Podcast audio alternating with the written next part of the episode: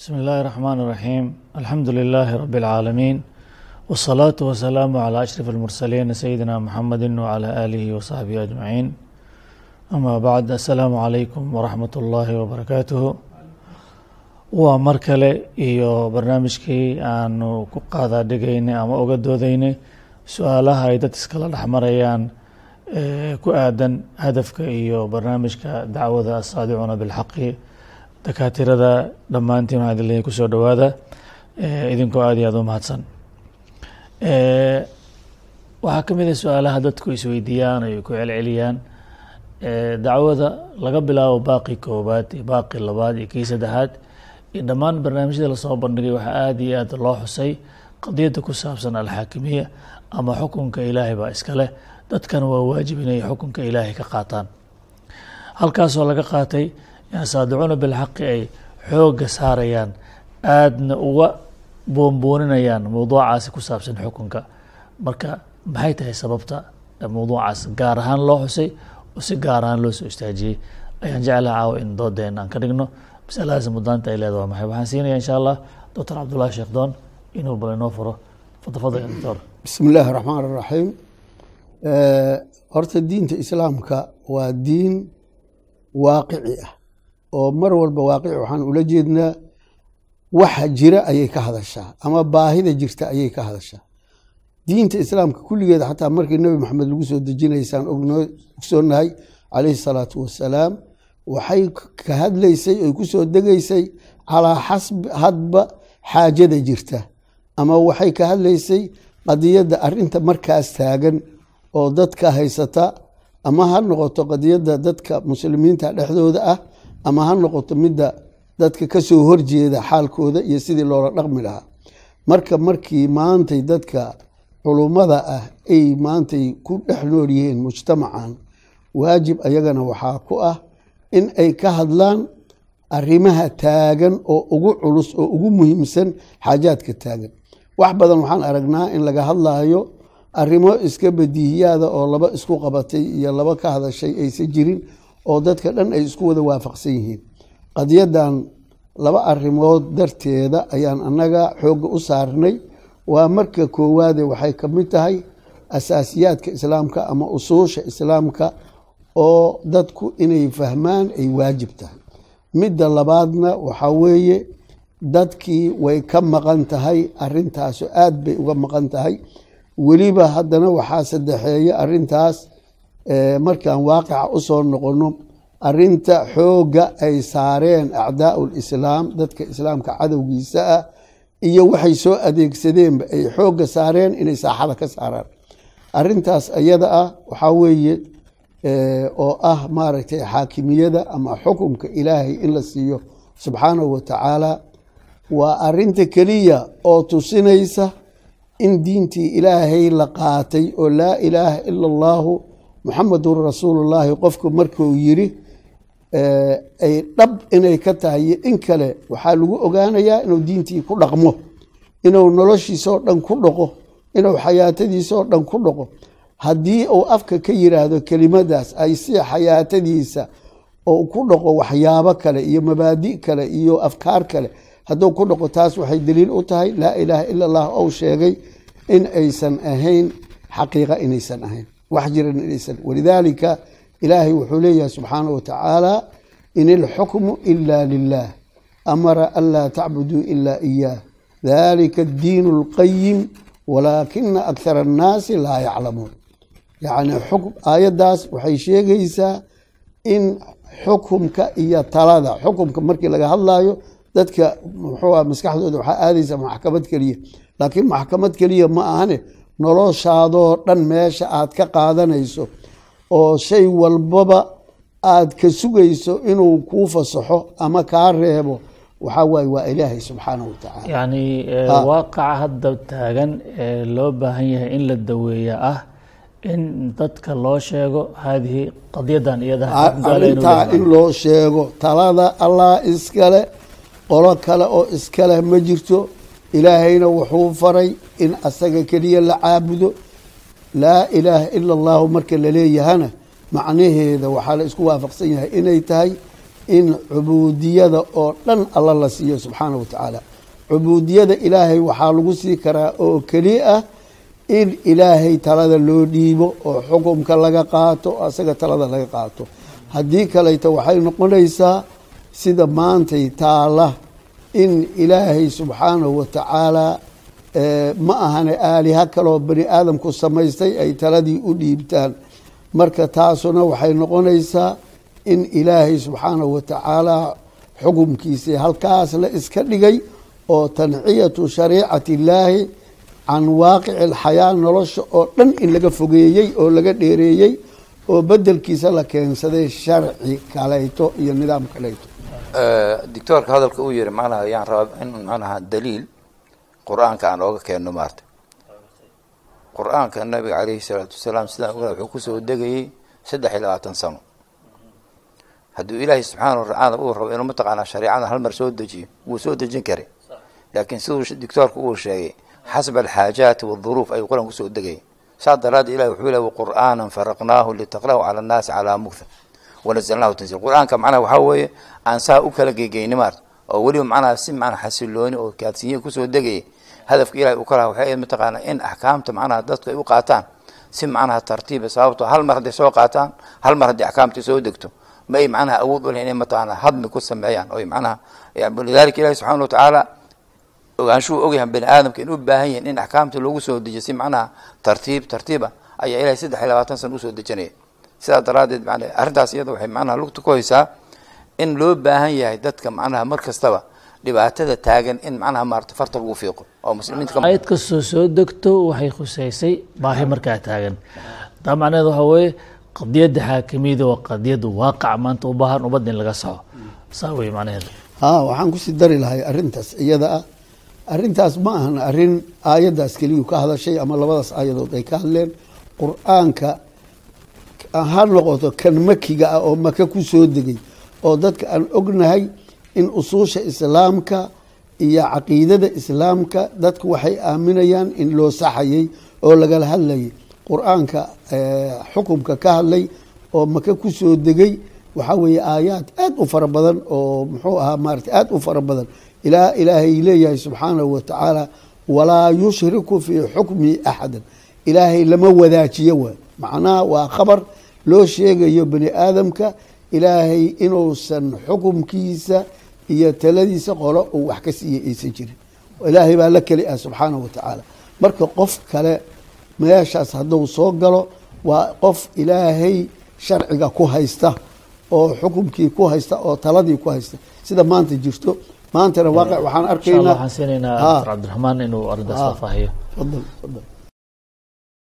Fadal bismi illahi raxmaan raxiim qadiyada horta doctoorku ka soo hadlay oo ku saabsan xukumka. Ujeedada waxa weeye laga leeyahay ama maqsuudkeedu waxa weeye in laga hadlo yaa iskale talada iyo xukunka koonkan yaa iskale gaar ahaan nolosha bani aadamka yaa xakamka ah. Qadiyadaasaa laga hadlaya yaa iskale. Yaa kala xugminaya yaa kala saaraya yaa nolosha bini aadamka tawjiihinaya oo tusaalaynaya yaa nolosha bini aadamka ee maaraynaya yaa maamulahaya yaa taladeeda iskale. Arrintaas baa laga hadlahaya in badan bay soo baxday ay- waxaa soo baxay wiil balaaya lalmine. Oo anaa iskale talada anaa iskale maamulka anaa iskale lahoos lig isi soo siiya in badan buu soo baxay. Hore uu jiri jiray u soo bixi jiray. Hadduu joogaa waana imaan doonaa. Arrintaas ayaa horta laga hadlahaya waa arrin ku saabsan yaa caqiidada ku xiran wey caqiidaday ku saabsan tahay ay ku xiran tahay macnaheeduna waxa weeye yaa ka noqonaya rabbi. Macnaha qadiyadda xaakimiyada waa qadiyo caqiidada toos ugu xiran tawxiid ku xiran ula jeeda towxiidkay ku xiran tahay.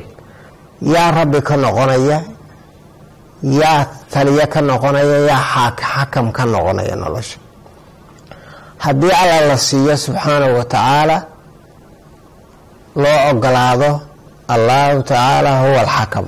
Asagaa ka ah nolosha koonkan asagaa xakamka ah asagaa rabbi ka ah asagaa maamula mudabbir ka ah oo nolosha bini aadamka tadbiirinaya.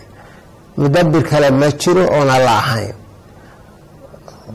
Xakam oo xukum kule oo xakama ma jiro fii hada alkowni kownkan kama jiro qadiyaddu marka waa qadiyad islaam wa qadiyad shirki ayay noqonaysaa qadiyad islaamay noqoneen markii alla subxaanahu wa tacaala loo daayo talada markii lagu qabsadana oo jaho kale maaragtay waxaa weeye lala aadana loona ictiraafana waxay noqonaysaa qadiyad shirki marka arrintu waa arrin caqiidada saa ugu xiran allah subxaanahu wa tacaala asagaa ka ah rabbi walidaalika ummadihii horeytana waxay ahaan jirtay qadiyad ay ku dhacaan oo saas shirki ay ugu dhacaan ummadaha hadda maanta joogana qadiyad maaragtay ay ku wareereen ay ku dhimeen ayay tahay.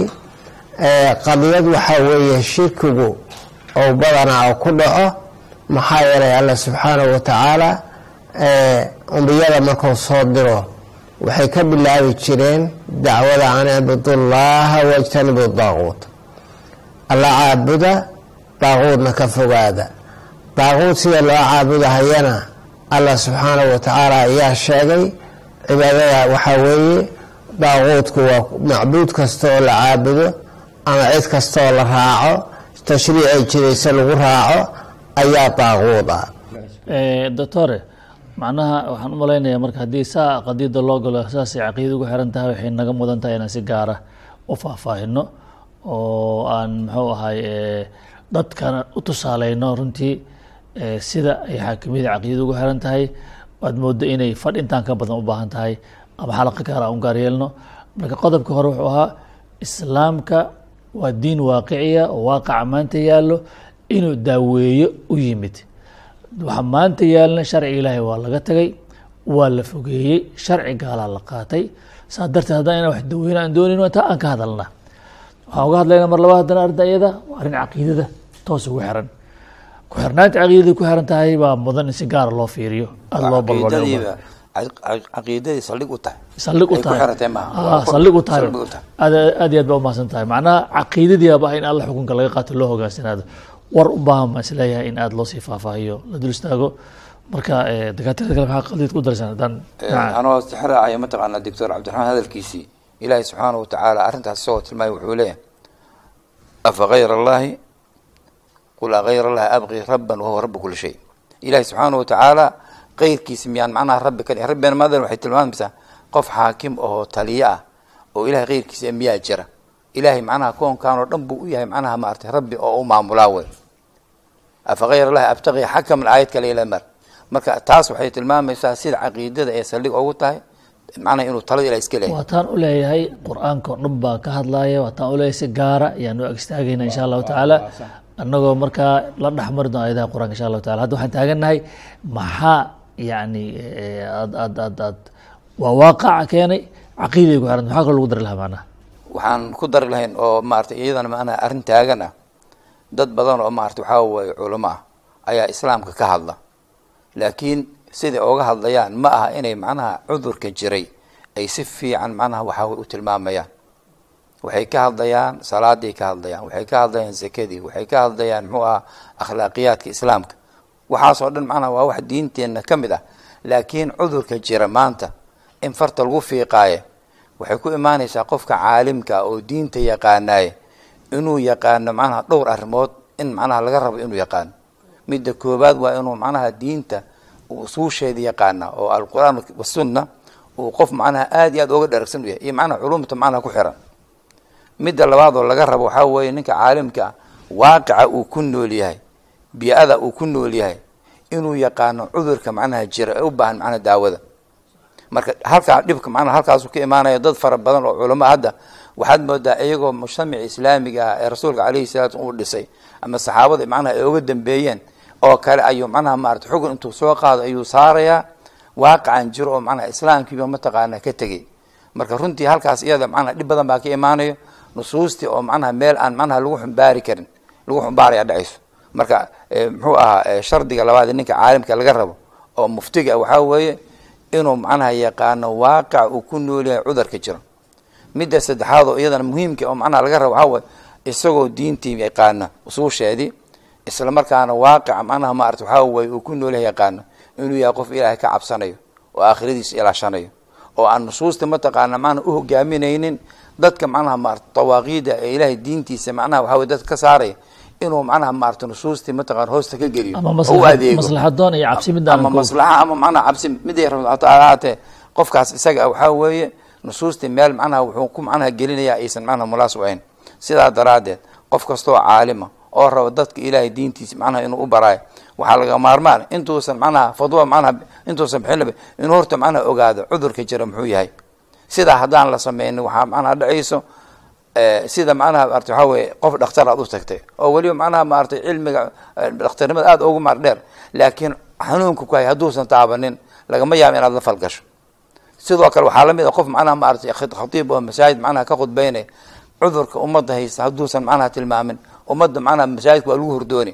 Laakiin qofka hadduu maarata cudurka jira uu tilmaamaya waxaa shak ku jira qofka sidii isagoo koronto ay qabatay ayuu qofka oola socdaa. Kelimada ma dhaafayso. Marka macnaha culimmada waxaan rabnaa in u dardaarano inay arrintaasi macnaha waxaa waye dhug yeeshaan oysan mataqaana ummadda marin habaabinin. Maasha allah maasha allah waxaan ku dari lahaa horta xaqiiqa weeye maantay dhibta ugu weyn oo haysata dadka maantay nabi moxamed calayhi salaatu wasalaam diintiisii aan haysanaa islaamkii aan matalaynaa dhahaya oo macnaha aan tusaale u noqonaynaa qadiyaddii arrintii ugu muhiimsaneed oo ugu asaasisaneyd oo ama islaam lagu noqon lahaa ama islaamniman looga noqon lahaa inaan qoladii culummada ahaydna ka hadlaynin qoladii kale oo dadweynaha ahaydna ayna u arkaynin in diinu ka maqan tahay. Iyada oo diintii asalkeedii dhibaatadaasna xaqiiqatan waxaa weeye waa dhibaatada ugu weyn oo maanta islaamka jariimada laga galay oo ugu weyn.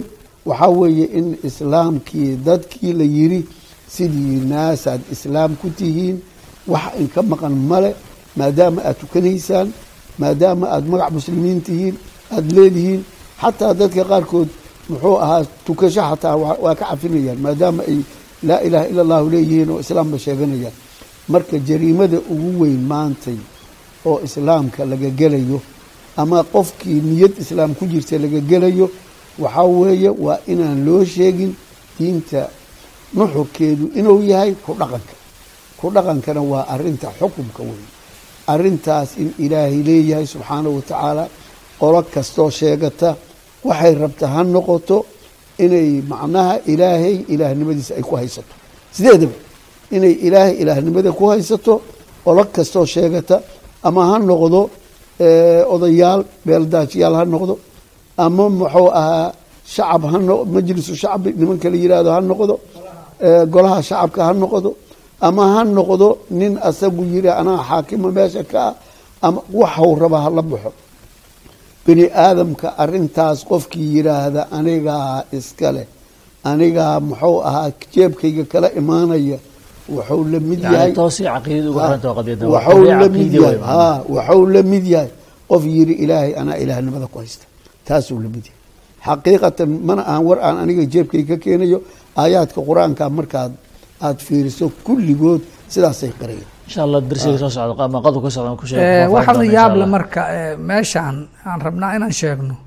Eh, ummadda islaamka oo afar iyo toban qarni nabi maxamed salawaatu ullahi wasalam hadda laga joogo labadii qarni oo ugu dambeysay wixii ka horeeyey weligeed ma dhicin in ummad islaamna sheegata.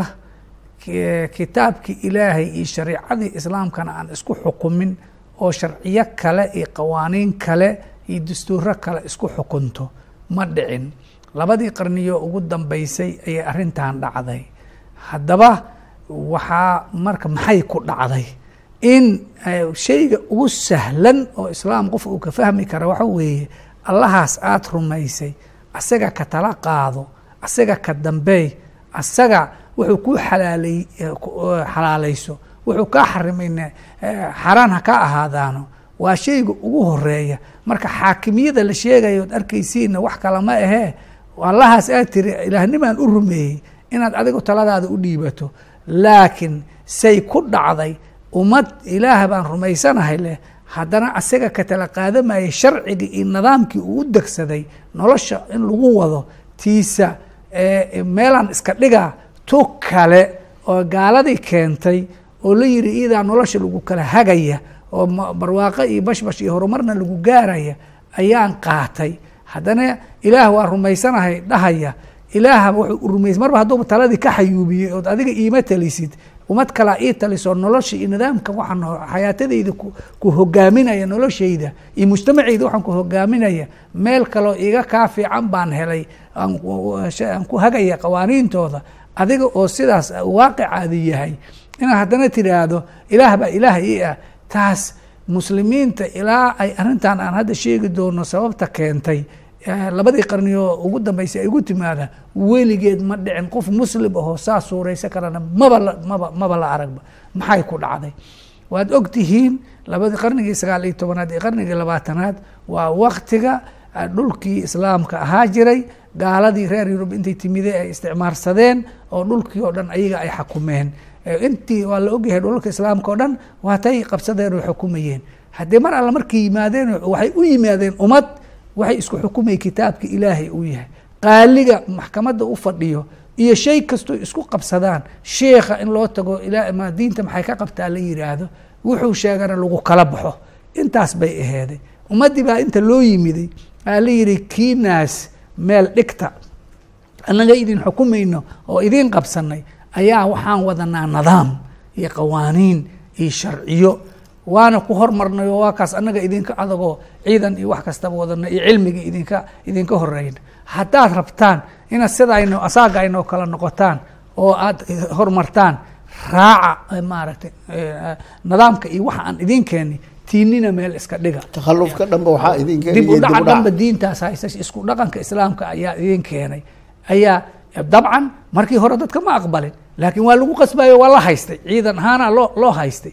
Waa lagu qasbayey laakiin waxaa la yaab kale markay nimankaa yimaadeen oo iskuulaadkii fureen oo jaamacaadka ay fureen oo dadkii muslimiinta ahaa ilmahoodii inta maara scholarship la siiyey la geeyey maarata yurub la geeyey oo qawaaniintooda iyo waxooda la soo la soo baray oo ay soo noqdeen inay ayagii laftoodiiba ka qanceen inay waxa kaliyaho horumar ay ku gaarayaan ay tahay gaaladaa nidaamka ay wadato oo ay keentay toodii islaamkoodii. Haddii loo noqdo waa la isku xukumaa la yidhaahdane in dib aan asaagooda aysan la qabsan karin.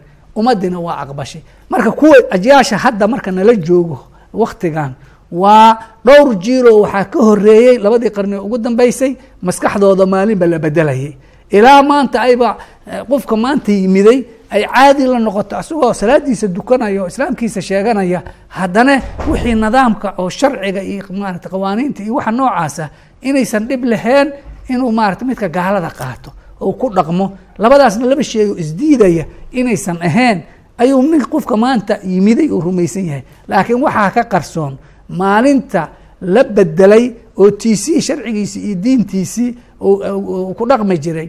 Maalintii inta laga bedelay tu kala booskeeda loo keenay qofkii maalintaa joogay weli waxbaa ku jira waa ka xanaagsanay. Laakiin ka maanta jooga kamaba xanaagsanaba. Raalli ku yahay. Sidaa darteed ayaa arrinta ugu weyn oo maanta dadka islaamka sheeganaya haysata ay tahay in arrintii caqiidada toos ugu xirneed oo ah allahaas waa rumeeyey uu yiri inuu ilaah ka dhigto ou rabbi ka dhigto ou xaakim ka dhigto midka noloshiisa ka talinayo ou taladiisa u dhiibto ilaahu ihag yidhaahdo oo qof kastoo muslim ah labadan qarni wixii ka horreeyey si caadi ah uu u fahmayay in maanta laga saaray ou raalli ku yahay qawaaniintii kufriga dastooradii kufriga sharciyadii kufriga inuu gaalada u keentay inuu raalli ku yahay oo saasna islaam isku haysta.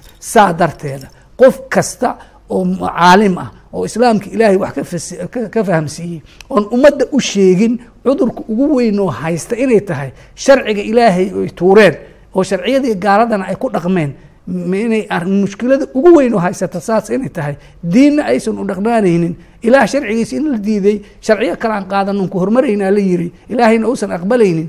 Cudurkaas sheekh kasta ama caalim kasta oo maanta aan dul istaagin oo aan u tusaalaynin ummadda waa hogay waa hoday waana hordisiiyey saa darteeda ayaa keentay saa darteeda ayaana keentay asaadicuuna bilxaq inay shayga ugu muhiimsan oy xoogga saarayaan oy mar kasta ku soo celcelinayaan inay noqoto war ilaahay sharcigiisi baa laydinka tuuray. Ee waxaad yeeshaan badbaado idinma taal waxa mashaakil oo idin haystana kama bixi kartaan. Ilaa sharcigii ilaahay aad isku dhaqantaan ilaahayna aad ka dambaysaan aadna iska tuurtaan kuwa bedelkiisa idin galay. Arrintaas marka saa darteeda qolada dhehaysa maxaa taa xoogga u saaraysaan? Waxaan u sheegaynaa cudurkii ugu weynaay oo ummadda diinteeda haleeyey ayaa meeshaan taagan. Haddaan taa dadka loo sheeginne waxba looma sheegin. Taas waana ku celcelinaynaa saasaan u sheegaynaa. Aada iyo aad baa umahadsan tahay insha allahu tacaala halkaa marka waxaan haddaan soo khulaasay ama soo ururiyo warkeena nuxurkiisa asaadicuuna bilxaqi waxay diiradda u saareen oo ay aada uga hadleen qadiyadda xaakimiyada waa iyadoo ah qadiyaddii waaqac u baahnaa maanta baahida la qabaa sida ah.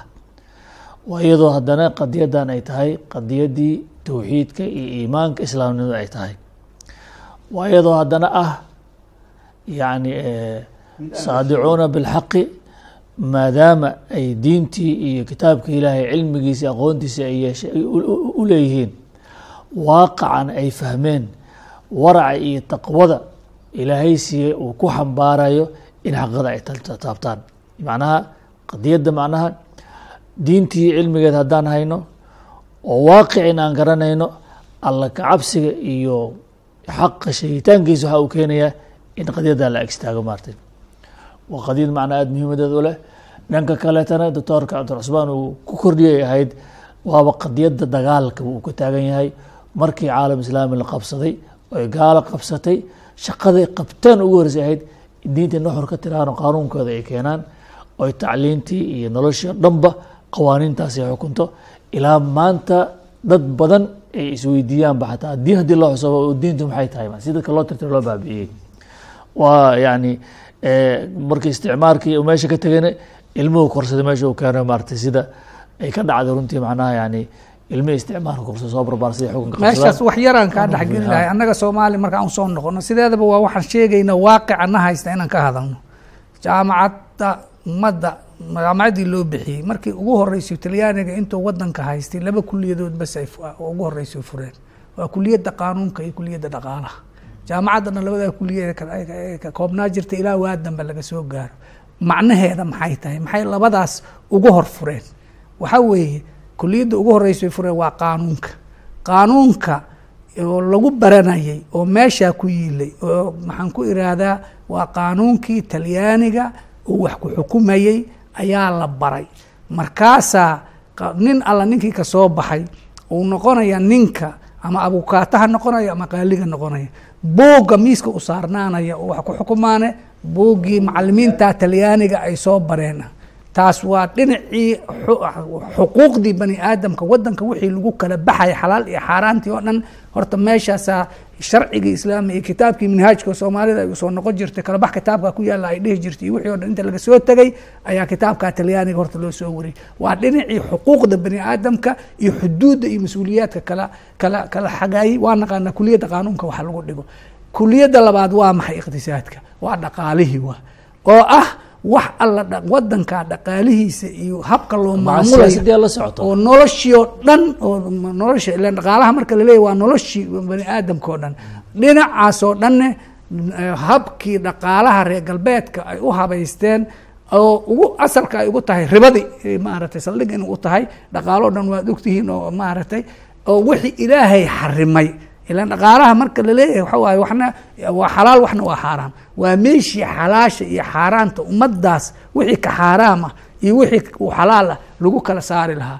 Dhaqaala loo samaystay oo u xadidaya waxa u bannaan dowladda iyo shacbigaba afraaddeeda waxa u bannaan iyo waxaan dhaqaalo ahaan u bannaanen tii baa la soo baray. Markay marka meesha kuu soo fariistaan xaggii qawaaniintii iyo xuquuqdii wixii lagu kala soocayna ninkaa qaanuunka talyaaniga la soo baray dhinacii dhaqaalihii markuu yimaadane ninkaas waxa xalaasha iyo waxaad maaragtay eh, nolol maalmeedka laga raagsanayo dhaqaalaha lagu dhisaa talyaani uu kuu sheegaya ayaa xurnimadii markii la qaatayna iidaa asal laga dhigay iidaana ilaa maanta taagan. Waxa dastuurkayna lagu habeynayay qawaaniintaynana waa taa kitaabkii ilaahay iyo sharcigiisii oo dhanne meesha waa la tuuray. Arrinta noocaas oo kaleo saa iskiga cad haddii maanta qofkaan nalka ku daarin waxa kaloo ummadda u sheegaya maxay tahay? Eh, dastuurkii avocata shabron ee yahuudiga talyaaniga uu dejiyaa meesha yaalay qawaaniintii talyaaniga yaa soomaalidii la soo baraysay u noqdaan nimankii khaliif ka noqon lahaa talyaaniga meesha ka baxay. Waa ficlan marka warkii ha isma doorin gaalkaan diriya daarta kii galay. Isma doorin gaalkaan diray iyo daarta kii galay dusha midabka soomaali baa dogobka moodaa. Misna laguma dirsado waa dirkii karal. Isticmaalka wiil karal dadkiisii a meesha fadhiya. Ficilka saas u dhacay ahaa marka waa qawaaniintaas marka saa darteed marka arrin dagaalka loo soo galo juhdiga lagu soo bixiyey. Miraheedan ahayno weeye saasay saadicuun bilxaqi ugu istaageen baan filaya warka macnaha u socdo uu u jeedaa in xaqa la caddeeyo baahida loo qabo darteed loo caddeeyo macnaha ilaa insha allahu tacaala xalaqadeena ku soo gabagabeyneynaa Eh, mawduuc laga dhigi kara ma aha waxaan rajeyneynaa in xalaqa u gaar yeelno ka hadalka xukunka iyo sida uu u yahay iimaankii islaamkii caqiidada u yahay baan u dirayna insha allahu tacaala ilaa aan mar kale kulan waxaan idin leenahay asalaamu calaykum waraxmat ullaahi wabarakaatu هذا